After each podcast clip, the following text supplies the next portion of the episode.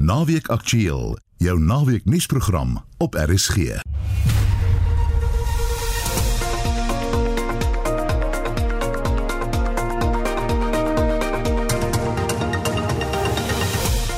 I'm calling to all the international partners. Observe this strategy that is happening nowadays in Ukraine and this senseless war, which is not going to have any winners but losers. Ons praat met 'n politieke ontleder oor die oorlog in die Oekraïne. Baie reaksie op die afdanking van die nasionale polisiekommissaris. En die Proteas sit stewig in die saal teen die swart pette. Goeiemôre en baie welkom by Naweek Aktueel.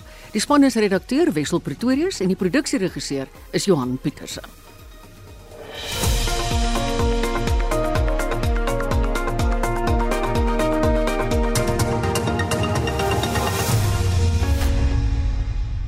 Welkom terug by Naweek Aktueel. Dit waarop polisieheerings en politieke kenners nou geruime tyd reeds aandring, het uiteindelik gister gebeur.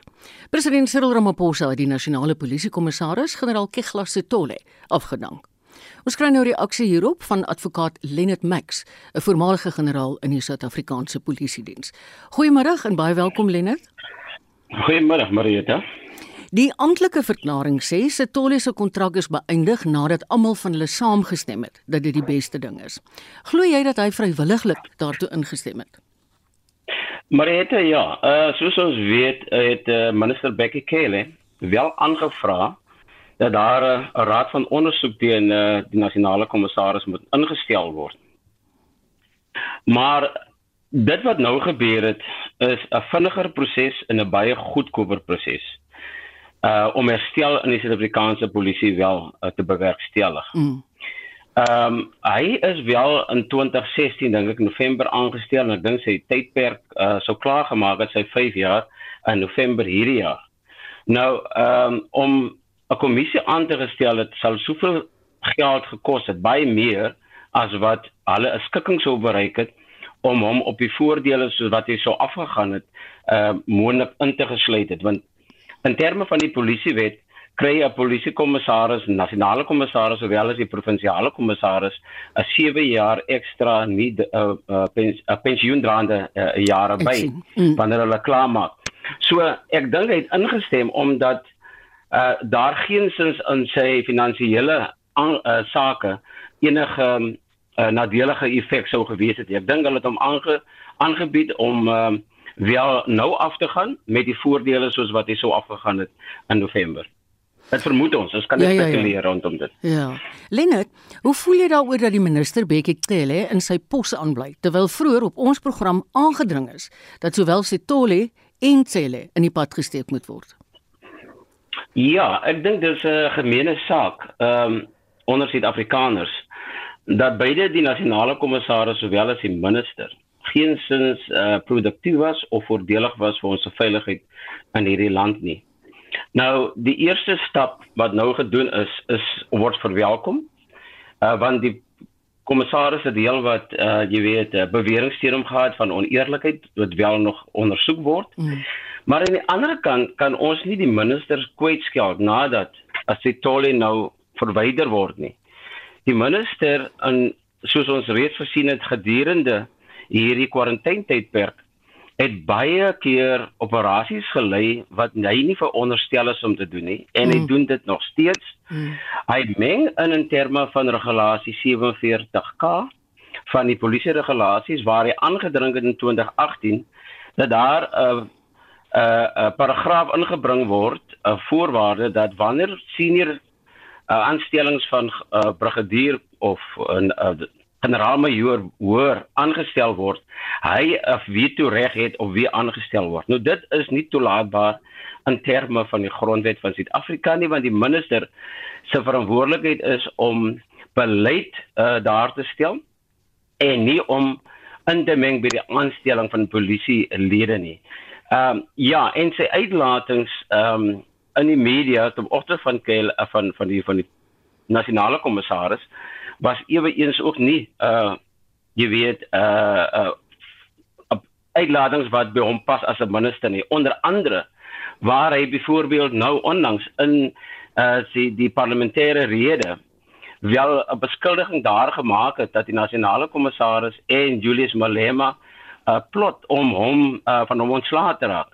Nou as 'n verantwoordelike minister in in daardie posisie, sou jy dit dan eers met die nasionale kommissaris opgeneem het om wel ehm um, vas te stel of daar enige meriete in die beweringe is. So daardie optrede wys duidelik dat hy nie bevoeg is om sy Afrikaanse boersie te lei na professionele uh, diens. Ja, kom ek vra vir jou, dink jy Sitoli se afdanking is 'n uitvloeisel van die kundigheidspaneel wat gekyk het na die opstande in Julie 2021? Ja, ek dink dit is 'n bydraende faktor.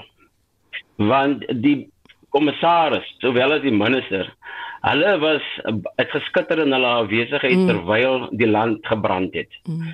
En die nasionale kommissaris se verduideliking is eintlik onaanvaarbaar. Uh, as 'n operasionele bevelvoerder waaronder 187 polisielede uh, staan, was dit sy verantwoordelikheid om sigbaar en beskikbaar te gewees het en om duidelike instruksies aan sy senior offisiere te gegee het en leiding te gegee het oor hoe die aangeleentheid wel uh, gehanteer moet word.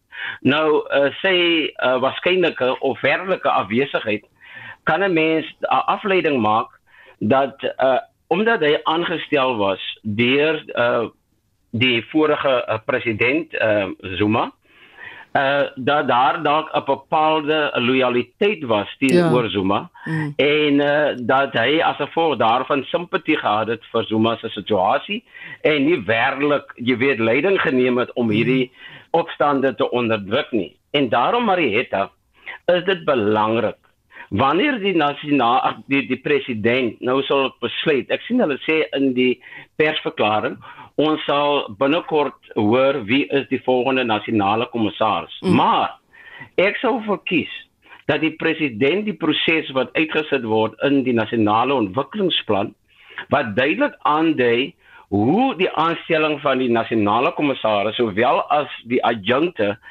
uh moet geskied en dit is dat daar 'n onafhanklike paneel moet wees mm. waardeur hierdie persone gaan sodat daar nie enigsins jy weet ruimte is om 'n persoon die nasionale kommissaris te beskuldig of te verdink dat hy of sy aangestel word omdat hulle 'n bepaalde lojaliteit aan 'n bepaalde politieke party het nie. Mm. Daardie nasionale kommissaris is verantwoordelik vir die hele land 60 miljoen mense se veiligheid.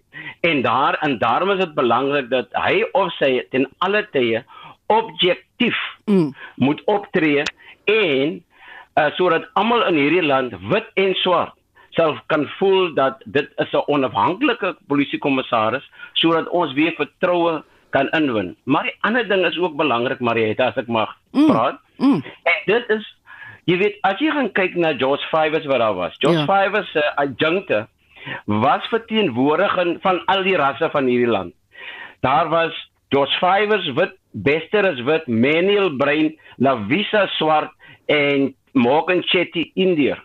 Nou, dit was 'n uh, 'n adjunk 'n nasionale kommissaris met adjunkte waarop ons almal trots was. Ja. Want ons almal, ons almal die rasse in hierdie land was verteenwoordigend daar. Hmm. So jy het vertroue gehad dat wanneer jy 'n uh, uh, uh, behoefte het om te praat of 'n probleem het, kon jy met iemand praat wat jou kultuur verstaan en wat met jou op daardie manier kan kommunikeer. Dis baie heidaglik. Mm. Ja, heidaglik. Sit ons met 'n uh, nege provinsiale kommissarisse waarvan almal swart is, die sit met 'n nasionale kommissaris met adjunkte waarvan almal swart is. So daar is vir ons aanvaar van ander rasse voel ons word uitgeskuif, ons word nie benodig meer om 'n deelname te maak in die veiligheid van ons land nie. En dit is verkeerd en dit skend vertroue in die Suid-Afrikaanse polisie. Laat ek gou vir jou sê in 20 in 2000 toe ek nasionale kom ag provinsiale kommissaris. Mm. Toe het ek 18 poste gehad. Ek het een ons het instruksie gekry van Wyle Jackie se lebe om te transformeer, maar ek het nog steeds een blanke persoon opgesit vir die rang van kolonel. En by die bevorderingspaneel het Jackie Celebi op my afgespring om daardie blanke te verwyder om iemand wat politiek gelink is te bevorder van kaptein na kolonel toe en ek het geweier. Ek onthou Ek dit. het gesê ja, ek het gesê as ons enige ras uitsluit uit 'n bevorderingsgeleentheid, dan stuur ons 'n negatiewe boodskap na daardie ras wat 'n Suid-Afrikaner is wat gebore is in hierdie land dat hulle nie meer benodig word om 'n bydrae in Suid-Afrika te lewer. Ek het dit op daardie paneel gesê. En die provinsiale kommissarisse wat saam met my daar was kan getuig. So ek het standpunt ingeneem. Vir my gaan dit oor die veiligheid van ons mense. Dit gaan oor die kwaliteit van ons bevelvoerders en ons lojaliteit teenoor die grondwet van Suid-Afrika. Dis die waarheid. Wat dink jy waar begin ons soek vir 'n moontlike kandidaat om by Sotoli oor te neem? Jy het tog baie insig in die polisie. Kom ek sê, jy weet, ehm um, daar is bekwame mense, bekwame uh, bevelvoerders nog steeds 'n paar van hulle oor. Ek dink as daar 'n paneel aangestel word en daar's nominasies uit, soos die president gedoen het in die geval van die nasionale vervolgingsgesag Mm. met uh, Batoy, Mm. dan het jy 'n deursigtige proses dieselfde soos wat die regters nou ondergaan het. Maar ek noem die regters is nou heeltemal vir my in 'n ander liga omdat ja. hulle nie 'n funksionele lyn is nie. Hulle is mense wat in die armchair uh um stoel sit, jy weet, en Mm. uh, en en oor jare kan besluit wat reg of verkeerd is. Ek praat van die die die die funksionele kant van van polisieering. Want die polisie is die eerste linie waar mense gaan om as hulle grondwetlike regte geskend word te gaan kla sodat daar herstel kan plaasvind. Nou ek dink wanneer ons die president so 'n paneel, onafhanklike paneel, daar moet nie politieke ministers betrokke wees daar nie Mm. um, onafhanklik sodat mense met regskennis, mense kundiges soos professors wat uh, wat polisiekunde of polisie praktyk ehm um, byvoorbeeld doseer dat daardie mense ehm um, op die paneel is en regtige objektiewe afleiding maak van wie jy kry jy dalk mense wat afgetree het uit die polisie Mm, en ek sluit mm. myself ek sluit myself in. Ek het jou Ehm, gevra, sal jy beskikbaar wees? Ek weet jy's nou 'n politikus. Ja, jy sien vir my gaan dit nie oor die politiek of enigsins nie. Ek is in enige posisie waar ek 'n bydrae kan lewer. En as die president as as ek genomineer word vir 'n onderhoud, dan sal ek dit aanvaar. Maar dit gaan nie vir my oor Lenet Max of oor 'n bepaalde ehm um, you know room nie of of om 'n naam te probeer maak. Ek het naam gemaak reeds. Mm. Dis 'n situasie hier dat ons in belang van Suid-Afrikaners moet optree. En en en ons moet seker maak dat mense op grondvlak as hulle na polisiekantoor toe gaan, dat hulle met vertroue so toe gaan en dat hulle daar die diens kry waarop hulle geregtig is. En geen polisielid doen 'n uh, guns vir ons mense wanneer hulle by die polisiestasie kom om 'n klagte te lê om hulle grondwetlike regte te herstel om te beskerm nie. So wat ek sê is daar is mense wat beskikbaar is. Ons sal sien as daai proses gevolg word, wie genomineer word, wie die nominasies aanvaar en wie uiteindelik op die kortlys vir onderhoude wel ehm uh, jy weet geroep Ja. sal word, geplaas Ja. sal word. Lena, dit is altyd 'n plesier om met jou te praat. Baie dankie. Jy verduidelik dit as selfs ek dit verstaan. Dit was advokaat Lenet Max, 'n voormalige Wes-Kaapse polisiekommissaris en hy dien deesdae as 'n Vryheidsfront Plus raadslid in die Kaapstad se metro. Dit het onlangs aan die lig gekom dat meer as 150 vuurwapens by 'n Johannesburgse polisiestasie vermis is. Die parlement het Woensdag gehoor die ondersoek na hierdie saak is aan die gang, dat die stasie onder nuwe bestuur is en dat inspeksies van nog polisiekantore beplan word. Tydens die inligtingsessie het die DA se skademinister van polisie, Andrew Whitfield, gevra of 'n nasionale audit van polisiekantore uitgevoer kan word. Ons praat nou met Ian Cameron, die direkteur van gemeenskapsveiligheid by Action Society. Hallo Ian. Hallo Marieta. Kyk, dis seker voor die hand lig hoekom daar gevra word vir 'n wapenaudit. Hoe uitvoerbaar is dit? Dit is definitief uitvoerbaar. Ek dink die belangrike deel wat ons graag wil sien bykomend tot wat uh, wat Andrew Whitfield voorgestel het, is dat ons 'n onafhanklike uh, groep ouditeurs wil aanstel van nie net een instelling nie. So dan moet uh, verskeie privaat instellings wees saam met die polisie wat so 'n tipe audit doen dat ons seker maak dit is geloofwaardig. Ek dink dit is kompleks nie. Ek dink die kritiese gedeelte daarvan is dat ons seker maak die polisie se interne stelsel is aangeskakel wat ten minste getalle ensovoorts van hulle wapens kan verskaf. Een ons hoor gereeld in die nuus van vuurwapens wat van polisiebeamptes hulle pad vind na kriminele. Hoe ernstig is hierdie probleem? Dit is 'n astronomiese probleem maar het tot die afgelope 20 maande, amper nou eintlik 21 maande, mm -hmm. het die polisie geen stelsel wat vir hulle presies kan wys hoeveel wapens in die land werklik onder hulle beheer is nie en dit weens wanbetaling deur Bekkie Cele en natuurlik nou Kesla se tollie wat op pad uit is. Ehm um, en uh en en en dit is 'n astronomiese probleem. Ek dink as daai stelsel aan aangesit moet word, sal ons geskok wees om te sien hoeveel vuurwapens die afgelope 20 of 21 maande hulle weg uh, na die hande van kriminele gevind het en ons moenie naïef wees om te dink dit gebeur net per ongeluk nie. Mm -mm. Hierdie wapens word baie dikwels uitverhuur en verkoop en sommer net verskaf aan kriminele bendes. Dit is 'n algemene tendens dwars deur Suid-Afrika. Kyk, ons hoor baie nou van hierdie sake veral in die nuus en dit dis definitief 'n probleem want ondersoeke word gedoen, maar as ek reg is ek sê ek hoor nooit van enige vervolgings of inhegtenisnames nie. Dis bitter bitter min wat dit gebeur. Dit is bitter min dat daar werklike uh, aksies geneem word volgens my kennis. Ons is bewus dat die polisie tans oor die 10000 lede het hm. wat in uniform is wat ernstige geweldsmisdrywe gepleeg het en skuldig bevind is, maar steeds dra hulle uniform. So ons het regtig 'n probleem. Ek dink, jy weet, ons het nou geluister na advokaat Max oor oor Kesla se tolle, maar net om 'n kommissaris uit te kry is nie die alleen antwoord nie. Daar moet 'n absolute herstrukturering wees hm. van bo af en jy moet letterlik die slang se kop afkap en dit sluit Bekkie Cele in. Ons gaan die totale bestuur moet herstruktureer onder administrasie plaas en dan volgens meriete begin aanstel sonder politieke affiliasie. Een Jy het net nou verwys na die feit dat daar nie op die oomblik 'n stelsel is wat vir ons kan wys van die getalle van die vuurwapens ensovoorts nie. Sou dit verband hou met hierdie onsaglike probleem wat wettige vuurwapen eienaars het ten einde hulle lisensies te hernu of om nuwe vuurwapens te registreer. Dit het nie 'n direkte impak nie. Daai stelsel is die FPS stelsel, die Firearm Permit System wat deur 'n maatskappy genaamd FDS geskep is vir die polisie. Goed. en dit is Sektolie wat wat betaal daarvoor maar die vuurwapenregister sit met net so groot krisis. Volgens my kennis is daar agterstand van omtrent 200 000 aansoeke lisensie aansoeke op die stadium. So hulle is ver agter En weer eens, die vuurwapenregisterstelsel volgens my kennis is nog nie eers 10% ten volle geïmplementeer oor die afgelope 5 tot 10 jaar nie.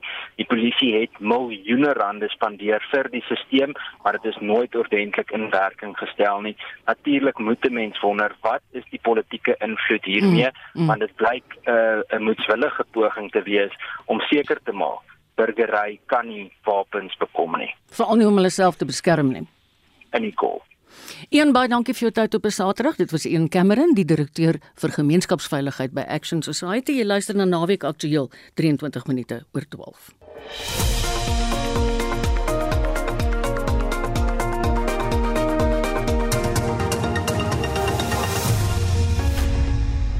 Die groot wêreldwye nuus storie van die afgelope paar dae. Die oorlog in Oekraïne is nou in volle swang, met die internasionale gemeenskap wat steeds hoop dat Rusland tot ander insigte gebring kan word. Tientalle mense is volgens berigte reeds dood en duisende het reeds uit die Oekraïne gevlug sedert Rusland donderdag die land ingeval het. Ons hoor nou by professor Joansi van Wyk, 'n politieke ontleder van Unisa, wat haar mening oor die situasie daar is. Goeiemôre Joansi. Goeiemôre Marita. Wil jy net vir ons vinnig kortliks die aanloop na die huidige situasie toe weerskets nie? Ja, Marita, hierdie ding het natuurlik mes kan nou die lang ehm um, ehm um, storie gee um, van die historiese goed die verbrokking van die Sowjetunie en die skep van die Sowjetunie.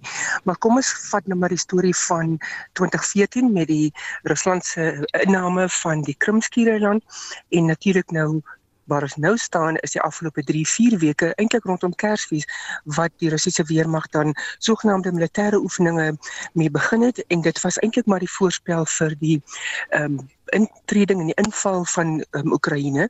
En ons weet nou dat daar is van die Kremlin se kant af ehm um, die argument dat Oekraïne het geen bestaansreg nie en dat dit basies dan nou deel is van die van Rusland ou Sowjetunie um, en dit is basies maar net 'n periode om dit terug te kry en natuurlik die Oekraïense bevolking staan daar teen en ons weet nou dat ehm um, die Europa NAVO ehm um, sowel as die Europese Unie en Amerika is natuurlik baie hard besig om te kyk hoe hierdie situasie opgelos kan word. Nou die gevaar is as die weste dan nou betrokke raak hierby mm.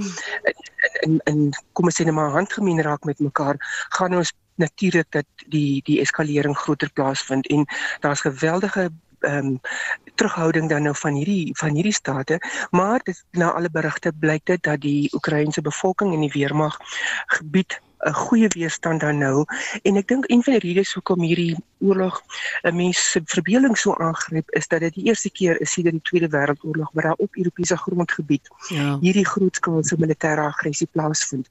En natuurlik ook Putin um, wat 'n land lei wat 'n lid is van die Veiligheidsraad, permanente lid is van die Veiligheidsraad en dan nou een van die groot mondhede dan nou is. Mm. En wat dan nou telke male 'n onderneming gegee het en dit onderbreek het. Ehm um, en dan nou hierdie die etniese ondertoon hier en en die beskuldigings van wat hy genoem het mense slagting en nazifikasie, die nazifikasie en die tipe goed. So ehm um, natuurlik is daar geweldig baie nuusdekking en mense het ook geweldige empatie met die ehm um, Oekraïense bevolking se weerstand daarteen. En natuurlik wat my baie beïndruk is die president, die jong president Zelensky ehm um, van van Oekraïne wat eintlik 'n as as 'n grap toegetree het tot die verkiesingsstryd en die verkiesing gewen het en natuurlik is hierdie die definierende oomblik in sy lewe. Mm. Ehm um, en natuurlik in die van sy regering en ehm um, natuurlik is is sy lewe voelvry verklaar deur die deur die deur die Russiese weermag. Maar ek dink ook wat van groot belang is is ook wat besig is om met Rusland te gebeur en die groot ondertone en die tektoniese skuwe wat ons nou beleef in die internasionale politiek. Hierdie ou gruwe wat nou na vore mm. kom. Mm. Putin het in in sy uh, toespraak wat hy basies onvoorbereid op die nou is afgelees nie, het hy basies 'n lesing gegee, revisionistiese interpretasie van oorlog, ag uh, ekskuus, Rusland se verhouding met Oekraïne.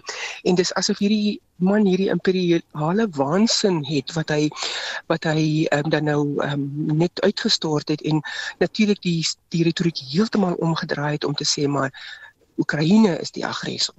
Ehm um, en die twee republieke wat hy dan erken het is dan is dan nou in gevaar wat hy dan nou sou help. Baie keer die, word die vergelyking getref met wat die argument van van Hitler was. Daar is ooreenkomste maar mense moet onthou dat toe Hitler se Nederland ingeval het en Polen dan nou in 1939 38 daarom ehm um, was die situasie heel anders. Hierso sit ons met 'n land wat in 'n 21ste eeu moet opereer en ehm um, natuurlik nou hierdie hierdie tipe aggressie wat 'n mens nie verwag ehm um, toepas. Johansie Rusland het pas 'n konsep resolusie van die VN se Veiligheidsraad geveto. Die resolusie sou Rusland se militêre optrede in die Oekraïne veroordeel het. China, die Verenigde Arabiese Emirate en Indië het buite stemming gebly. Maar die oorblywende 11 lidlande van die Veiligheidsraad het ten gunste van die konsepregulasie gestem. Behoort Suid-Afrika vrede of lojaliteit teenoor Rusland as 'n BRICS-vennoot te kies? Ek dink die beginsel moet staan is dat dit 'n oortreding van internasionale reg was en en hier is ehm um, is moet ons regering um, om sy jakke inslaan. Wat is belangriker? Is die beginsel of handel? Nou, ons het geweldig baie handelsbelange uh, met met Rusland. Ehm um, dis bekend dat Naspers en albei um, Anheuser Busch het ook belange daar. Byvoorbeeld so vir ons is daar ook baie geld op die spel, maar as 'n beginselsaak moet ons ons hakke inkap en sê ons kan nie as ons osself dan voordoen as 'n goeie internasionale burger want dit is die retoriek wat ook van die Unie gebou afkom en Soutpansbergweg waar die buitelandse sake kantore is is dit dat ons moet 'n beginsel in in ehm um, besluit hieroor neem. Ons was 3 maal lid van die van die ehm um, veiligheidsraad die afgelope dekade. Ons wil graag bekend staan en ek dink ook dit is dit is verantwoordelik. Mm. maar nou weet ons dat dit wat in die agterkamers en in die lobby en die gange wandelgange gebeur is anders. Maar net as 'n simboliese boodskap moet daar hakke ingekap word want ons gaan 'n slegte president skep vir op die kontinent waar grense ook nie um, gerespekteer word nie.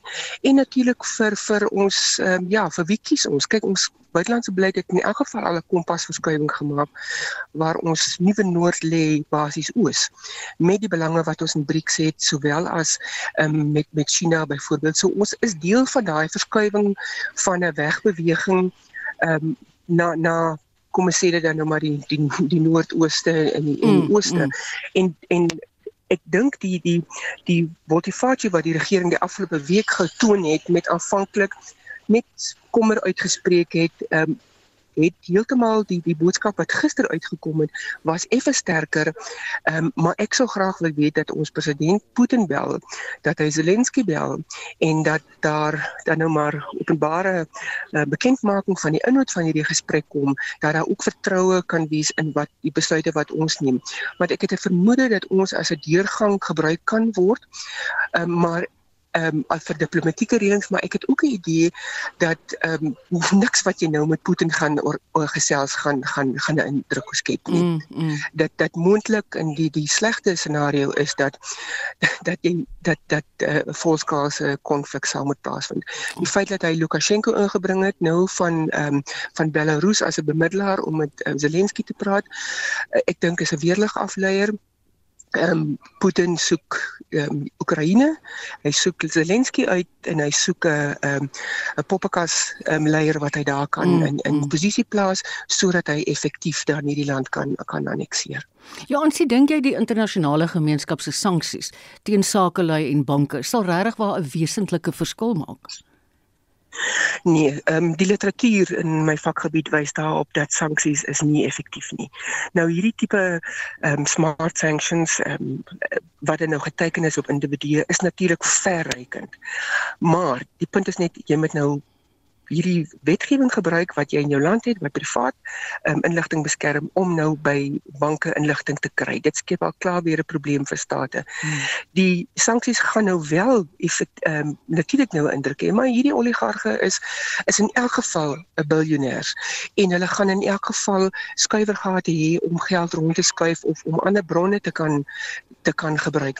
So die die die die simboliek van die sanksies is verskriklik belangrik. Nou ek het die idee dat daar baie wapens onder die tafel alreeds deurgaan van van ehm um, die Europese Unie NAVO.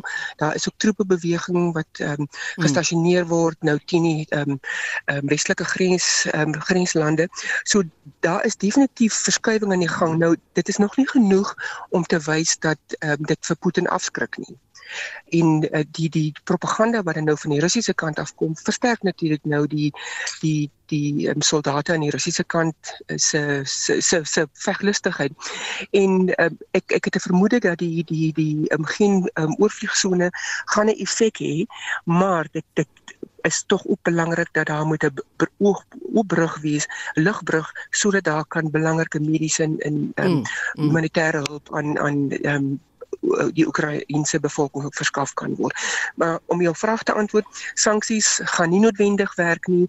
Hierdie gaan 'n groter uh, militêre vuis verg myns insiens mm. of dan nou ten minste net 'n uh, oudheidse um, standoff um, tussen state wat mekaar wit vir mekaar se oë kan sien en dan nou ehm um, verder kan gaan. Maar hierdie ding is nog lank nie klaar nie en ek dink uh, diplomatieke kanale is natuurlik nog baie baie aktief. Maar daar moet daar moet net groter druk toegepas word. Nou die probleem is Putin is 'n baie goeie skaakspeler. Ja. Hy het daar mm. klaar geluide gemaak om om Finland ehm um, te dreig, Pole te dreig. Ehm um, en die ding is net hy sal hy sal definitief sagte teikens in Europa sal hy bykom. Nou ons weet nou die oorlog wat ons nie sien nie, is die een wat in die kuberruimte ehm um, geveg word. En da, as jy kyk na die regerings um, se webtuistes is heeltemal af, af wel ten minste vanoggend wat ek gekyk het jy jy skry nie 'n Oekraïense ministerie of die president um, op byvoorbeeld so alles daar alles toegesluit um, om dit mm. nou so te kan sê. Mm. En en dis 'n dis 'n oorlog wat die moeilikste een is om te te veg. Um, wat net soveel skade kan maak. Um, Natuurlik en en die die die tegnologie ter sprake. Ek het 'n vermoede dat Rusland um, omdat hy ongelukkig 'n verskriklike geniepse geaard het, chemiese uh, wapens ook sal gebruik. En uh, dit dit is natuurlik net so kommerwekkend. Ehm um, en uh, natuurlik al al hierdie optredes val buite die wette van oorlog. So ironies soos wat dit is dat daar wette uh, met oorlog kan wees. Ehm um, maar maar ek het 'n idee dat dat die die druk op op Rusland en Putin as persoon sal natuurlik moet moet verskerp word. Nou hmm. Lavrov um, en en sy ehm um, um, die, die minister van buitelandse sake en dan Peskov wat die spesiale adviseur van um, Putin is is natuurlik nou van hierdie getekende persone nou ek weet nie jy het natuurlik nou seker gesien hoe dat die die die die toon van Lavrov wat nou altyd hierdie groot um, diplomaat was hoe hoe hy hom vererg op perskonferensies. Ja ja. En en en hierdie anti-westerse sentiment wat hy ingeslaan het en basies geïrriteerd is uh, met CNN, BBC, mm, mm. Um, maar die die die ander argument kan wees maar goed, hulle gebruik Russia Today om natuurlik hulle boodskap uit te kry. Nou of hierdie goed nou ehm um, effektief gaan wees deur middel van van ehm um, onderhandelinge is natuurlik nog steeds die probleem want Putin ehm um, hy hy wil die papier dit hê dat Oekraïne nie aan um, NAVO gaan gaan by NAVO gaan insluit nie en natuurlik dat hy die grondgebied onder sy beheer kan hê en soos ek sê 'n poppekas um, regering daar kan aanstel. En en ek dink daai drie goed moet op 'n kreatiewe manier aangespreek word en die druk moet soveel op op Putin wees dat dat daai goed nie eers meer op die tafel kan wees nie.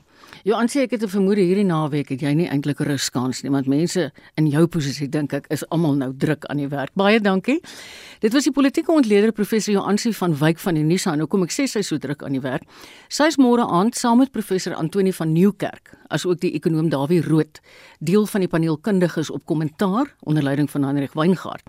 Die Oekraïne-Rusland konflik, die 2022-23 begroting en die organisasie People Against Race Classification se petisie aan die parlement gaan onder meer bespreek word. Skakel gerus môre aand in op kommentaar.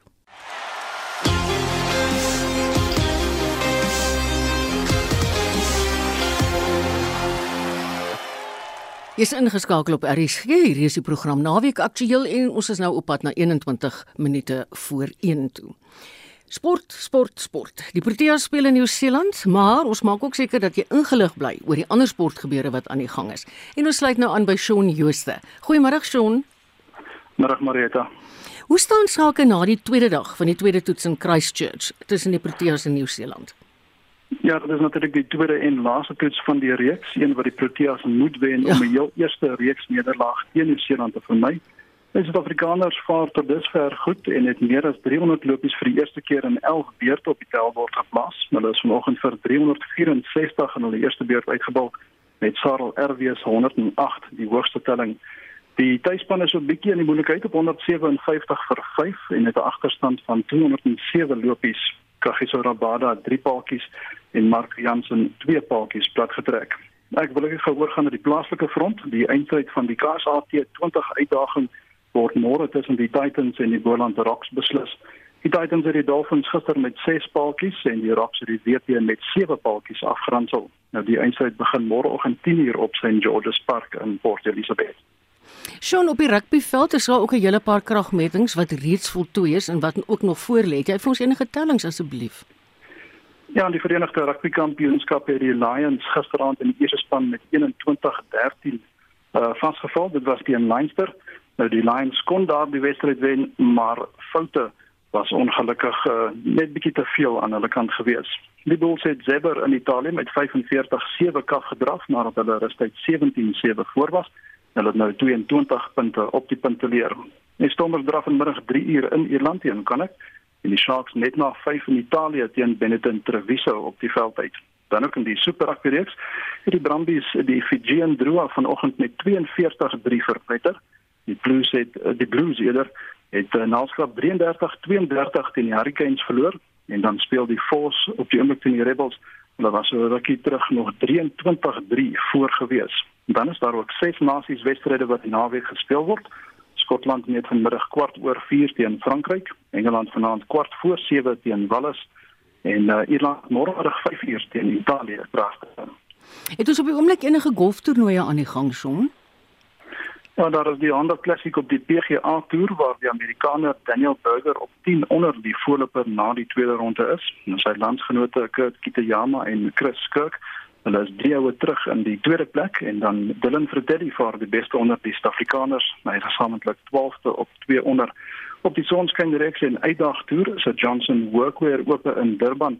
Dis die Suid-Afrikaner JC Ritchie, die voorloper op 18 nou onder die baansyfer en dit is ook na twee rondes. Op die tennisbaan het twee van die groot name in vanoggend se in Mexico kragte gemeet. Wat het toe daar gebeur? Ja, die eerste gekeerde is Daniel Medvedev en die nommer 4 van Spanje, Rafa Nadal, het in die halve eindstryde kragte gemeet. Nadal het 2 uit 2 vir die jaar teen Medvedev, Medvedev gemaak toe met 6-3 en 6-3 verslaan het. Hm. Hulle was ook opponente in die eindstryd by die Australiese Ope waar Nadal ook koning gekraai het. Nou die Spanjaard stap môreoggend in die eindstryd teen die Brit Cameron Norrie op die baan uit. Norrie het die Griek Stefanos Tsitsipas met 6-4 en 6-4 verras. Het ons enige sokkerwedstryde waarna ons kan uitsien? In die Engelse Premier Liga kom Leeds United vanmiddag half 3 teen Tottenham Hotspur, Brighton en Hove Albion 5-4 teen Aston Villa en Everton vanaand half 8 teen Manchester City te staan. Dit is net om 'n paar te noem. En dan in die DStv Premier Liga draf Chippa United half 4 teen Marumo Gallants. Sekhukhune half 6 teen Morocco Swallows en Baroka FC vanaand half 8 teen Kaizer Chiefs op die veld uit. Sean, voordat ek vir jou groet. Ek het gehoor daar's 'n baie groot para-atletiek byeenkoms in Stellenbosch. Is dit so? Ja, dit is die Winelands internasionale toernooi vir gestremde atlete wat uh, op Kutsenburg plaasvind. Oh. Nou van die land se grootste of beste atlete is in aksie en uh, hulle word ook die kans gegee om natuurlik vir die Statebond spele wat later die jaar plaasvind te kwalifiseer. Mm. Die aksie het vanoggend half 9 begin en kom nou 1 uur tot einde. Maar uh, toeskouers word natuurlik verwelkom, so daar is nog 'n bietjie ja. tyd om miskien na atletiek te gaan kyk. Baie dankie Shaun. Dit was Shaun Jooste van RSG Sport. Nou knap na sport het ons gewoonlik vir Wessel Pretorius met sy motorrubriek Karre. In sy weeklikse aflewering vandag gaan Wessel uh praat en hy toets hulle ook, 'n Mazda en 'n Honda.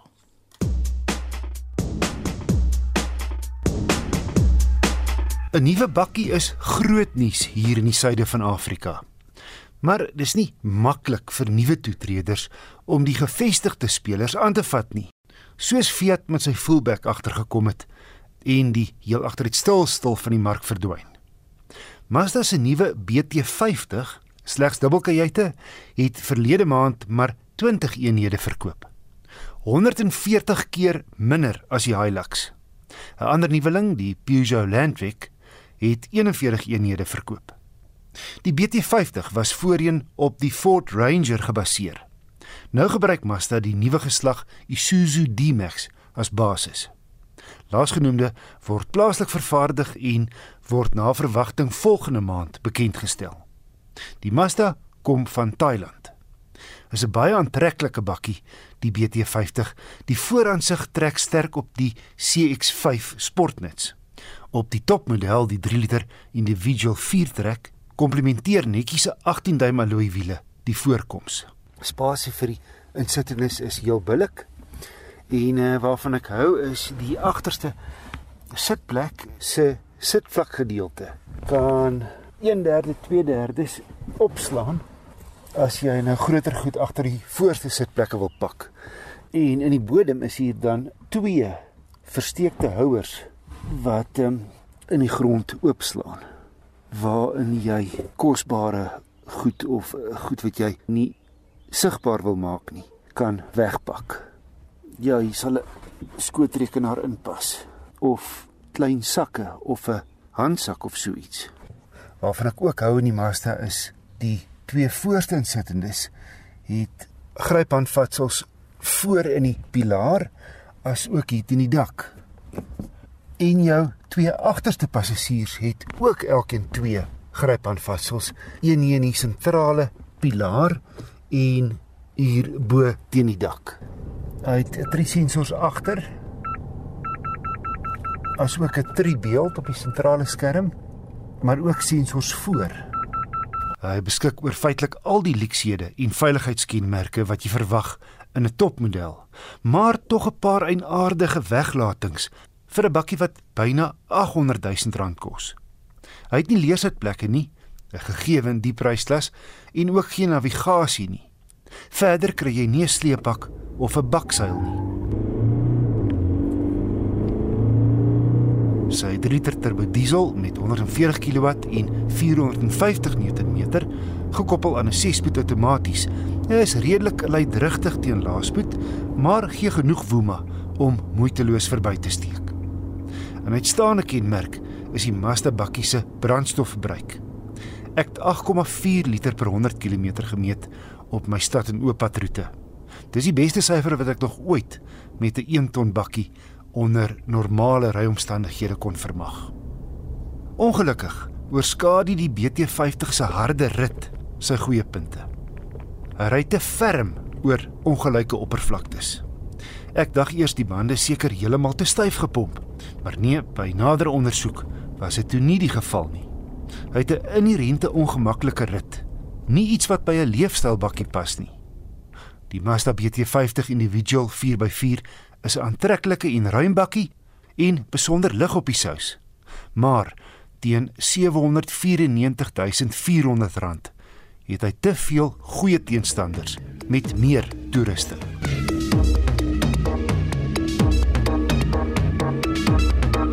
Die Honda Jazz lykerig is 'n ou bekende op ons paaie. Die vierde geslag is verlede jaar plaaslik bekend gestel en word nou die Fit genoem. Opvallend is die dun A-pilare, dis nou die dakpilare in die vooruit wat maklik 'n blinde kol links en regs voor veroorsaak.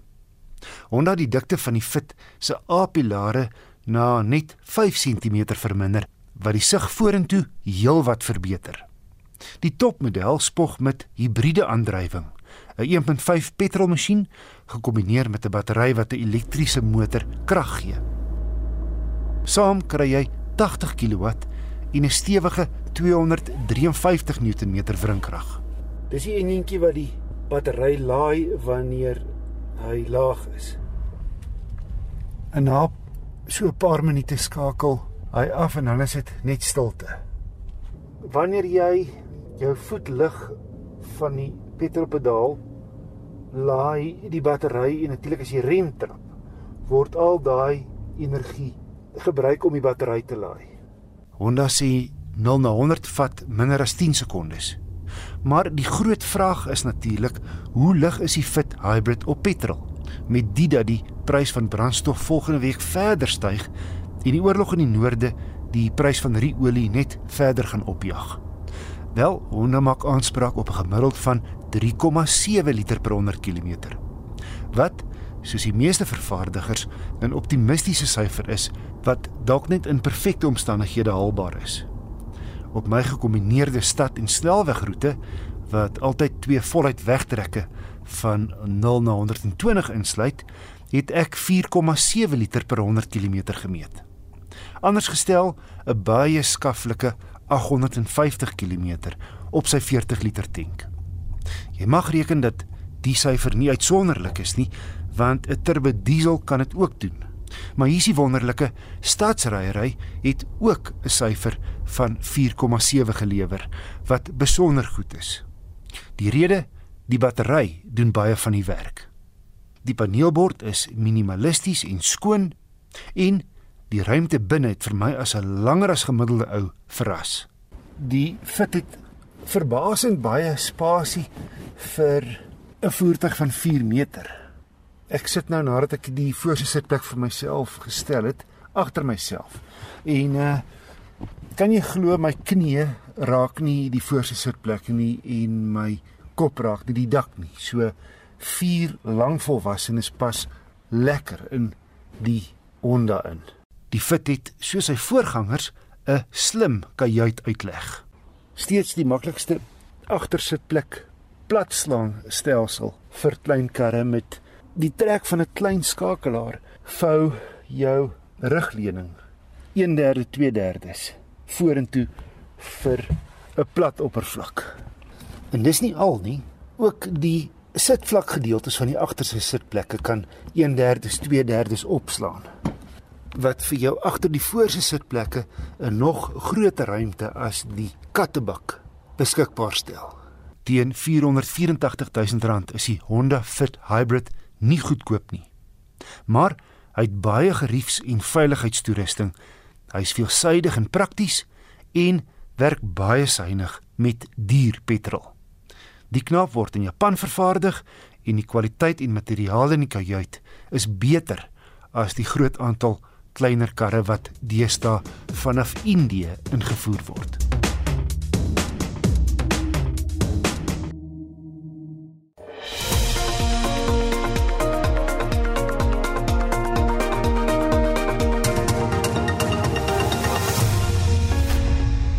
Die Universiteit van Pretoria het 'n Pan-Afrika Navorsingsinstituut oor kanker begin om onder meer te help met die voorkoming van die siekte in Sub-Sahara Afrika. Hendrik Weingart, die universiteit se woordvoerder, Rikus Delport, gevra waarom die universiteit gevoel het so 'n navorsingsinstituut is nodig.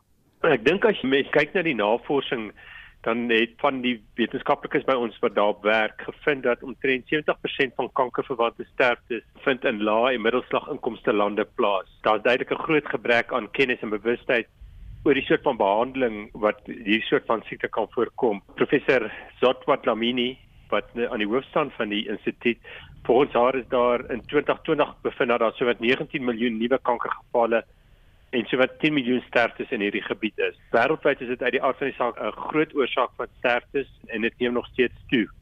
Nou die Universiteit van Pretoria, tesame met die Suid-Afrikaanse Mediese Navorsingsraad en die Nasionale Navorsingsstigting het toe besef dat hulle iets moet doen om te kyk hoe hulle al die navorsing bymekaar kan bring en hoe hulle 'n platform soort van kan skep wat kan help om in die streek te bedien met wetenskaplikes en navorsers wat dan saamwerk. En die idee dan van die instituut is dat my wetenskaplikes, onkoloë, patoloë, dokters bymekaar kan bring waar hulle dan ondersteuning kan kry vir die regte toerusting, finansiële ondersteuning kan kry om dan te help om kankernavorsing aan te pak tot voordeel dan van die mense van die streek.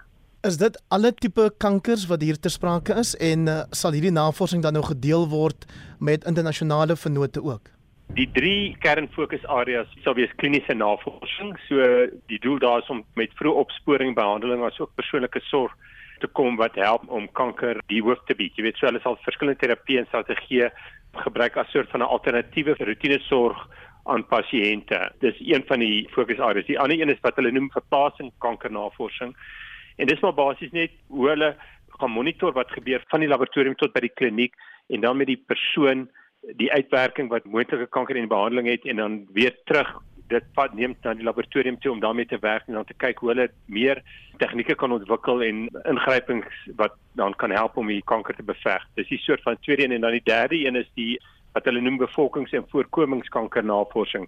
Die doel daar is net om oorlewing te verbeter al in gemeenskappe wat nie heeltemal bewus is van kanker, die uitwerking daarvan en hoe om dit te voorkom nie. Hulle wil ook, jy weet, met dit ondersoek doen na die soort van leefstyle van die mense in daai omgewings en in gemeenskappe om te kyk wat is die uitwerking van kanker op hulle, hoekom kry hulle kanker en dan met soort van doeltreffende maniere vorendag te kom om die kanker te behandel en vir die pasiënte te sorg. Rikus, hoe gaan julle verseker dat daar 'n vlak van vertroue is in daardie gemeenskappe sodat mense besef die werk word uiteindelik gedoen vir hulle eie voordeel?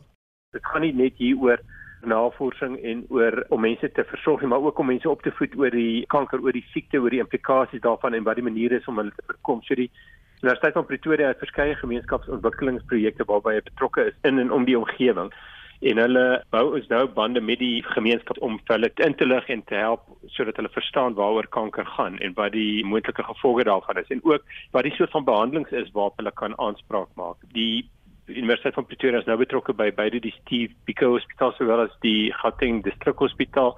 So daar kom ons gereeld in kontak met mense van gemeenskappe wat noodwendig nie altyd die toegang het tot fasiliteite en die geriewe wat ander mense in meer gevestigde omgewings in die stad het nie.